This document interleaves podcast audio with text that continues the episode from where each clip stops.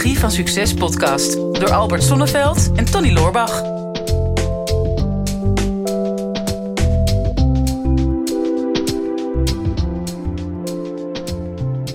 Nou, we hebben er lang mee gewacht om, uh, om deze vraag te behandelen. Maar ja, we kunnen er niet meer onderuit, uh, Tony, op dit moment. Nee, ik was wel echt al bang voor zo'n hele slechte cheesy opening.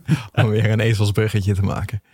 Ja, maar het is een vraag van uh, Kees Braber. Mm -hmm. En die zegt, hallo Albert, een vraag voor de podcast. Hoe komt het en wat moet ik doen om het te doorbreken... om bij ideeën lang in de ontwerpfase te blijven zitten... En als dat dan af is, uh, ja, dan huiver ik of ik en dan twijfel ik om te lanceren. En ben benieuwd naar je reactie. Ja. Dus um, ja, volgens mij worstelt Kees toch uh, met uitstelgedrag. Ja, dat, dat uh, mag ik hopen voor hem. Als dat niet een andere reden heeft.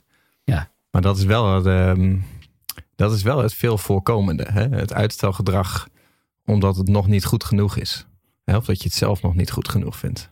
Ja, dat kan, hè, maar um, het lijkt me wel leuk om in deze podcast in ieder geval ongeveer iets van zes belangrijke redenen te bedenken mm -hmm. uh, of te benoemen, waardoor dat mensen uiteindelijk gaan, uh, gaan uitstellen. En dan, nou ja, dan wil ik eens met jou kijken of, het, of jij ze herkent, sowieso, mm -hmm. uit je eigen leven, ja. of uit die van je medewerkers, of Mm -hmm. Van je dierbare vrienden die bij je mastermind horen. Mm -hmm. uh, liever geen namen noemen dan, hè? Maar... Nee, precies. ja. Nee, ik ben, ik ben niet zo'n uitsteller. Uh, van uitstel komt afstel. Ja. En dat wil ik op geen enkel vlak in mijn leven, wil ik dat, uh, wil ik dat risico lopen. ja, dus, dus jij kan er wel goed mee omgaan. Hmm. Nou, um, dat is ook niet helemaal waar. Volgens mij is het gewoon een heel natuurlijk fenomeen om dingen uit te stellen. En dat kan een heleboel verschillende redenen hebben. Maar ik, ik merk het natuurlijk in ondernemerschap. Dat je uh, toch over het algemeen heel erg kritisch bent op wat je, wat je zelf wil doen. De meeste ondernemers zijn ook perfectionisten. Misschien de meeste niet-ondernemers ook wel. Maar dat je toch de neiging hebt om altijd te wachten op het ideale moment voordat je, voordat je iets doet. En het ideale moment komt eigenlijk nooit. Nee. Dus ja, dat, dat, dat, dat is heel normaal. Je kan, je kan jezelf wel aanleren om er beter mee om te gaan. Als je een tijdje bezig bent en je betrapt jezelf erop dat je, dat je dat hebt, dat uitstelgedrag. En dat kan zijn in het lanceren van producten of het uh, starten van uh, businesses of uh, zelfs letterlijk 's ochtends als je wakker wordt van hè, hoe vaak snoes je. Ja. Hè, dat is natuurlijk ook een vorm van uitstelgedrag. Denk ja, als jij de neiging hebt om, hebt om iedere ochtend vier of vijf keer te snoezen en je gaat die lijn doortrekken in je werkdag ja, hoe vaak neem jij meteen een beslissing? Hè? Dus uh, hoe vaak stel je de beslissing uit? Hoe vaak neem je hem meteen? Hè? Hoe vaak lanceer je een product voordat het helemaal perfect is? En hoe vaak wacht je eigenlijk te lang? Hè? En daar kan je natuurlijk wel een mooie rode draad voor jezelf in ontdekken. Ja. Nou ja, um, ik, ik zal er in ieder geval een aantal noemen die ik in mijn eigen praktijk tegenkom en ook wel herken uit mijn eigen leven waarom dat ik ehm, uiteindelijk dingen ga uitstellen. Een van de dingen is natuurlijk dat je te veel hooi op je vork neemt. -hmm. uh, dat je, ja, je, daar heb je het weer, jezelf overschat en het werk wat erbij hoort onderschat. En, uh, nou ja, we kennen allemaal wel de Amerikaanse positiviteitsguru Anthony Robbins. Die zei -hmm. altijd al zo mooi, veel mensen uh, overschatten wat ze in een dag kunnen doen, maar ze onderschatten wat ze in een jaar kunnen doen. Mhm. En op een of andere manier hebben we toch ergens het idee van, uh, ja, ik heb nog zoveel te doen. Laat ik maar zoveel mogelijk op een to-do-lijstje zetten. En blind gaan rammen totdat het afkomt. Mm -hmm. Maar dat demotiveert. Als je zo'n hele berg ziet wat er allemaal nog op je lijstje staat. Um, ja, dan, dan ontgaat je de moed om überhaupt maar aan één van die taken te beginnen. Mhm. Mm -hmm. Ergens geef je het al op en zegt van ja, dat kan ik toch nooit afkrijgen. Dat klopt ook. Ja. Dus waarom zou ik er ooit maar aan gaan beginnen? Mm -hmm. Dat is al een van de redenen waarom dat mensen gaan uitstellen. Ja. Wil er nog één doen, uh, Tony? Ja, nou, ik, ik, kan er wel even een voorbeeldje tussen gooien. Ja, maar, doe maar uh, even. Ja. Nou, weet je, ik merk dat, kijk, uh, we kunnen het over producten lanceren, businesses en dat soort grote projecten hebben. Maar ehm, ik merk het bijvoorbeeld heel klein. Ik heb wel eens gedeeld, ik heb een, een tijdje geleden heb ik zo'n home gym gebouwd. Dus gewoon een kamertje in mijn huis heb ik vrijgemaakt. En daar heb ik gewoon een hele, hele sport, sportschool ingebouwd. Ja, ik ben op visite geweest. Man, wat, wat ruikt het daar naar zweet zeg. Dat is niet te geloven. Want ja, jij, je werkt je echt drie slagen in de rond in die gym natuurlijk. Nee, maar ik heb, je, je, kan dat gewoon kopen in de winkel. Hè? Je hebt dus echt een nieuw car smell kan je kopen. Maar je kan dus ook zweetlucht kopen. Voor als je mensen de indruk wil geven dat je een sportschool runt. Of transpiratiespray, dat is echt geweldig. Normaal heb je spray tegen transpiratie, maar je hebt ook voor. Nee, ik ben altijd heel transpirant type geweest. maar um, nee, maar ik heb dan die, die home gym en ik merk van... oké, we hebben het in het verleden wel eens gehad over, over discipline en dat soort dingen. Van nou, hè, ik weet, ik heb dat minder... Dus ik uh, heb dan gewoon een trainer uh, gevraagd om langs te komen. Want dan, hè, dan kan ik er niet onderuit. Dus ik weet dat ik morgenochtend moet ik weer een uur beuken. Mm. Uh, en daar kan ik nu al als een berg tegenop zien. Maar ik heb wel de garantie dat het gaat gebeuren. Want die trainer die staat er eenmaal naast. Alleen er zijn natuurlijk ook momenten tussendoor dat, dat die trainer er niet is. En dat ik van mezelf moet sporten. Hè? Dus op de, de losse dagen. En ik weet van mezelf, ja, dan denk ik ochtends al van ja, uh, eigenlijk zou ik meteen even een uurtje moeten gaan sporten. Maar ja, ik kan ook eerst even lekker, uh, lekker bakje koffie gaan drinken. Hè? Hm. Dan ga ik over een half uurtje wel sporten. Nou, en dan uh, heb ik koffie op en dan denk ik, ja, het is wel goed om, om wel even goed te eten. Want dan kan ik harder sporten als ik er goed, goed gevuld ben. Dus dan ga ik eerst even koken. En dan denk ik na het eten van ja, maar het is niet slim om direct na het eten hele fysieke zware arbeid te gaan doen. Hè? En dan denk ik daarna, dan is het gezakt. En dan denk ik van ja, maar het is misschien ook wel logisch om eerst even te gaan werken. Want ik ben nu nog fit en helder. En dan heb ik mijn creativiteit maar vast in de ochtend zitten. Hè? En zo kan je jezelf de hele dag voor de gek houden. En het steeds maar blijven uitstellen. Ja. Maar hoeveel te langer je het uitstelt, des te groter het wordt in je, in je hoofd om het te gaan doen. En dan ga je op een gegeven moment terugdenken van wat is nou de laatste keer geweest dat ik daar gesport heb.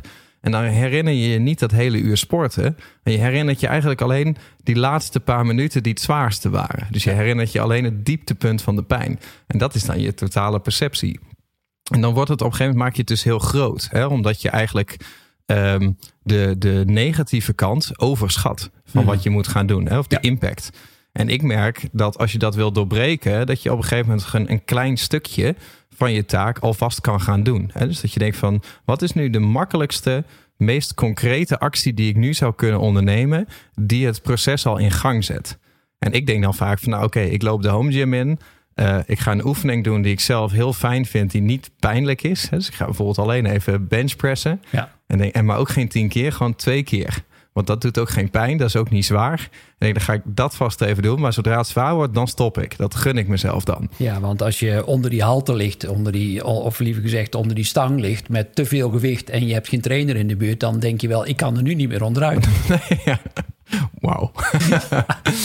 ja, dat, dat klopt. Maar uh, zover ga ik dan niet. Ik denk dan gewoon van mezelf van... oké, ik, ik ga wel mijn goede wil tonen... maar ik ga het uh, pijnloos doen. Ja. dus ik ga met uh, twee of drie keer ga ik zo'n halter omhoog stoten... en zodra het zwaar wordt, zodra ik het niet leuk meer vind...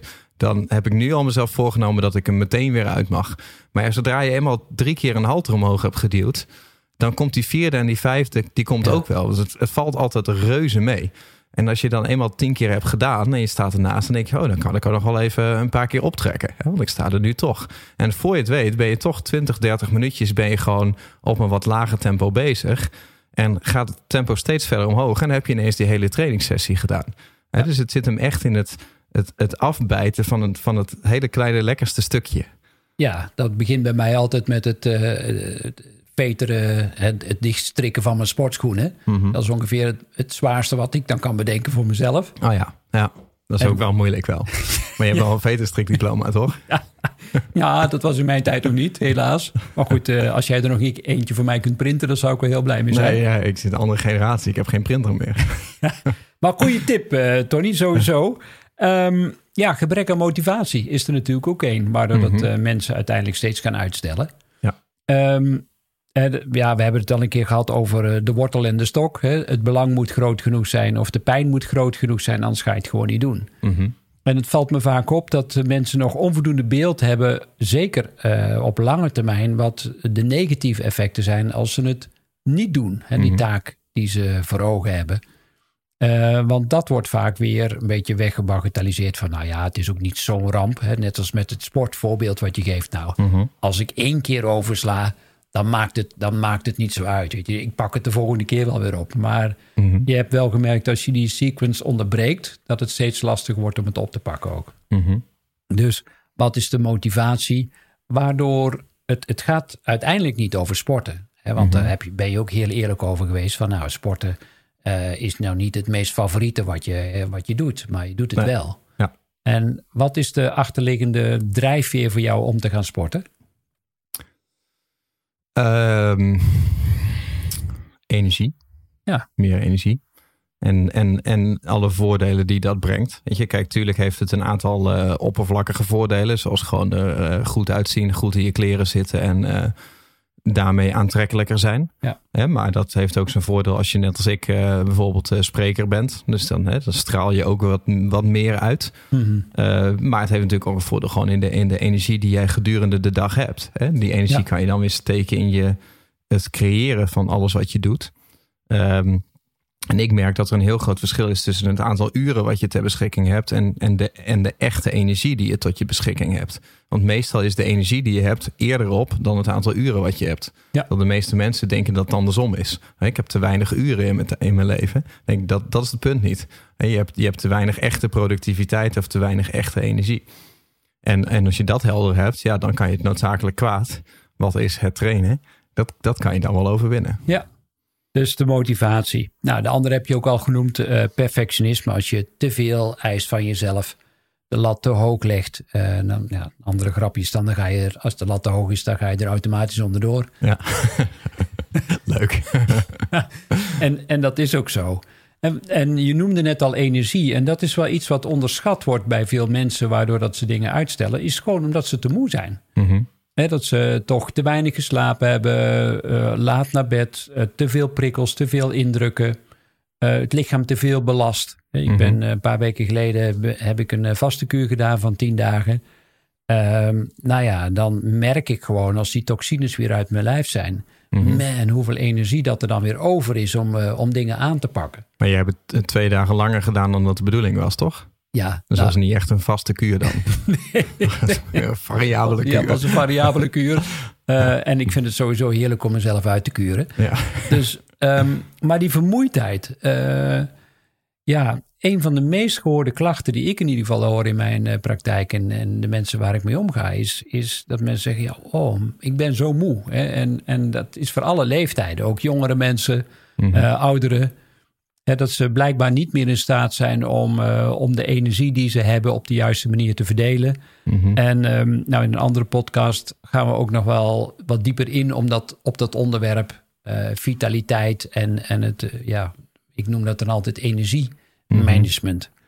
Maar verwacht niet van jezelf dat je tot grote prestaties komt of dat je uitstelgedrag kunt doorbreken wanneer je überhaupt te moe bent om aan de taak te beginnen. Mm -hmm. Um, nou ja, veel mensen die terugkomen van vakantie, uh, echt opgeladen zijn, ja, die zijn ook weer helemaal, die staan te springen om weer uh, aan een nieuw project te gaan beginnen. Tenminste, ja.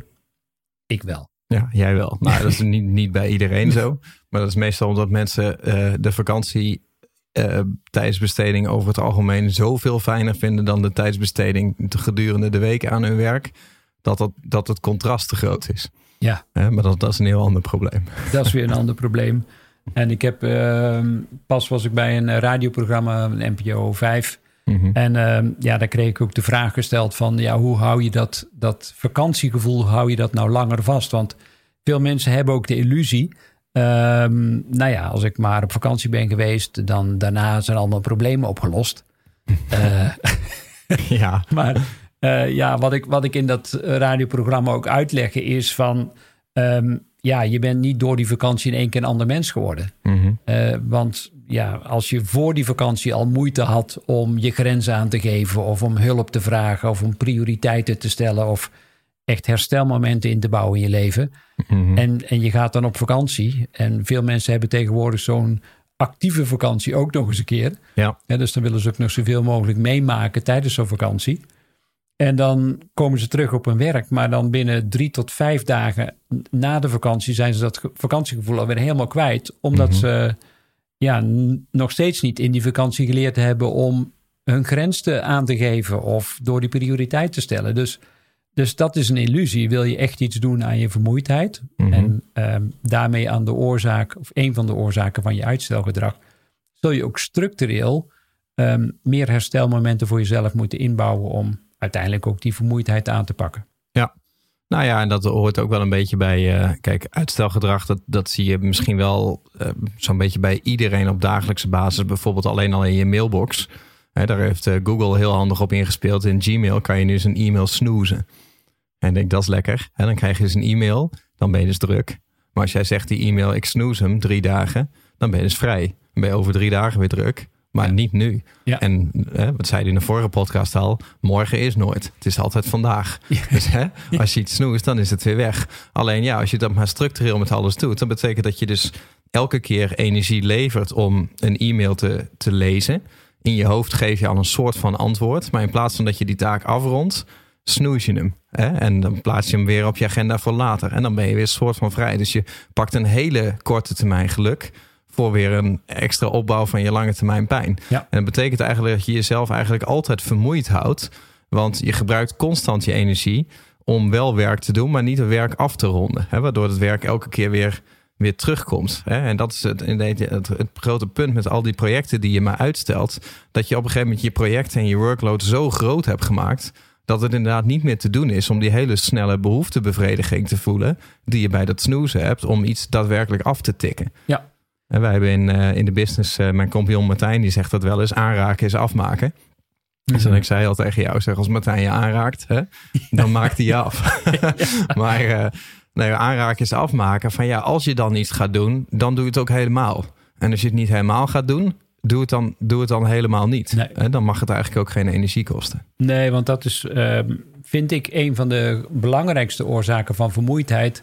Wat ik altijd noem unfinished business. Mhm. Dus alle, alle open eindjes die je hebt, dat zijn energy drains. Je, je lekt energie van alles wat niet is afgerond, zowel zakelijk als ook in je familie. Als je, eh, weet ik veel, je wil nog, ja, je hebt een conflict met eh, een schoonmoeder of met een broer of wat dan ook in de familie, maar Mhm. je hebt dat niet uitgesproken, dan blijft dat maar in je achterhoofd meespelen.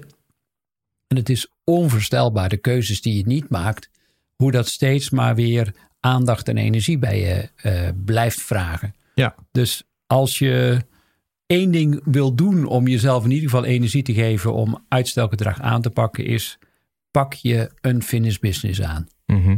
ja, dus open eindjes afronden. Open eindjes afronden, inderdaad. Dus dat Nou. is eh, in het voorbeeld van het sporten. Hè, dat je gewoon dus echt letterlijk de hele dag thuis rond kan lopen met het idee met ik moet ergens vandaag, moet ik nog een half uur sporten. En daar heb je dan de hele dag last van.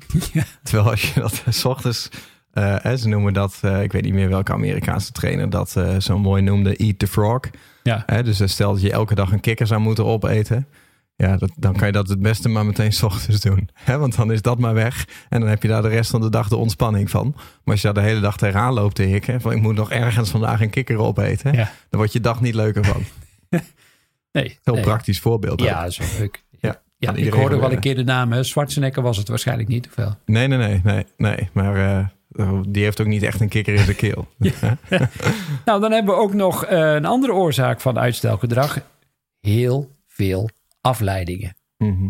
Ja, dat, dat ken je waarschijnlijk ook wel. Dat je zelfs afleidingen gaat zoeken op het moment dat je een moeilijke taak op je bordje hebt liggen. Mhm. Waar je van weet dat je, ze, dat je hem moet afronden voor een bepaalde tijd. Misschien omdat er een deadline is. Ik herkende dat wel uit mijn studietijd ook. Dan moest ik toen een scriptie schrijven. Oh man, wat was ik creatief toen de tijd om steeds alles maar te zoeken om maar niet aan die scriptie te hoeven beginnen. Ja. En tegenwoordig zijn natuurlijk die afleidingen alleen nog maar meer geworden. Mhm. En eh, een van onze goede vrienden, Bas, die eh, ja, ook in de mastermind zit, die heeft tegenwoordig een heel klein telefoontje, zo groot als een, eh, een sleutelhanger. Ja. En met, waar je alleen maar op kunt bellen en sms'en. En hij zegt, wow, je hebt, ik heb geen idee hoeveel tijd dat ik over heb nu... doordat ik niet meer steeds op die smartphone aan het kijken ben. Mhm. Eh, was wel lastig, want tijdens ons tripje in, eh, in de Ardennen... kon hij ook geen foto's meer maken, dus dan was ik de Sjors. Maar Ja, precies. Ja. Probleem. maar, ja, Ja. ja. ja. dus, ehm, dus op het moment dat je dat, je dat ehm, weet te elimineren, dan zul je ook merken dat er meer tijd is voor de dingen die er werkelijk toe doen. Mhm. En de laatste is, ehm, in, in het geval van uitstelgedrag, is dat mensen ook houden van werkdruk. Uh, Stephen Covey noemt dat in zijn boek uh, de, de Seven Habits of Highly Effective People. Die zegt addicted to the urgency. Mhm. Als je steeds maar achter de, belangrijk, achter de dringende dingen aan blijft rennen en doet alsof ze belangrijk zijn, um, dan is de vraag of dat wel werkelijk de meest belangrijke dingen zijn. Uiteindelijk, om werkelijk het verschil te maken in je leven, hoef je niet zo heel veel te doen, maar doe dan juist de kleine dingen die je moet doen extra goed. Ja. Nou, en om maar meteen even een uh, praktisch huiswerkopdrachtje te geven in het afrekenen met uitstelgedrag. Als je daar nou echt stappen in wil maken in dat soort dingen, in, weet je, in je doelen behalen of um, gewoon meer uit je business halen, meer uit je persoon halen of afrekenen met de beperkende overtuigingen die je hebt of eigenlijk alle onderwerpen waar we het in de podcast over hebben. Je wil echt een keer een stap maken dan uh, kan ik je aanraden om lekker met Albert mee te gaan naar Frankrijk. Dat, is, uh, dat duurt nog even voordat dat is. Nog een paar maanden. Maar uh, informatie daarover kan je vinden op de website van Albert. Dus als je naar albertzonneveld.nl gaat, dan zie je een mooie knop in het menu met uh, de Mastermind in Frankrijk. Dan ga je met een klein groepje gelijkgestemden lekker met Albert op reis. En dat is echt pure magie. Dat kan er heel lang van stof over zijn, maar dat is gewoon iets wat je meegemaakt moet hebben. En dat kan je op die site vinden. Dan zie je ook wel wat videomateriaal en dat soort dingen. En ja, dat kan je natuurlijk uitstellen, zo'n beslissing. Maar ja, hè, er Ja. zijn maar een paar plekken. Er zijn er al een paar gevuld. Ja, Het kan maar zo zijn dat je net eh, de boot mist. Of achter het net vist. Of iets anders eh, qua vissersmetaforen. Ja. Dus eigenlijk zou je dat nu alvast moeten boeken. Ik word ook ouder, dus ik weet niet hoe vaak dat ik hier nog... Weet je eh, hoe lang je nog hebt. Goed, laten we niks uitstellen. Het was weer een feest om deze podcast met je te maken. En eh, laten we snel verder gaan naar de volgende. Dit is de Psychologie van Succes podcast door Albert Sonneveld en Tony Loorbach. Ja, beste luisteraars, dat was hem alweer voor vandaag. Weer een aflevering voorbij van eh, de psychologie van succes. Ik hoop dat je het waardevol hebt gevonden en ehm, wat je ons dat ook zou willen laten weten. Eh, mocht je nog niet geabonneerd zijn op onze podcast, doe dat dan even. En wat we heel erg tof zouden vinden, is als je ook even een review zou willen achterlaten. We vinden het natuurlijk heel leuk om te horen van jou wat je van de podcast vond, welke inzichten je eruit hebt gehaald. En om dat natuurlijk in de review-sectie terug te gaan lezen. Heb je nou een vraag en je zou graag met jouw vraag in de uitzending willen komen? Stel hem dan op eh, de social media. Onze kanalen zijn vooral LinkedIn en natuurlijk Instagram. De beste vragen pakken we eruit en grote kans dat je dan terugkomt in deze podcast.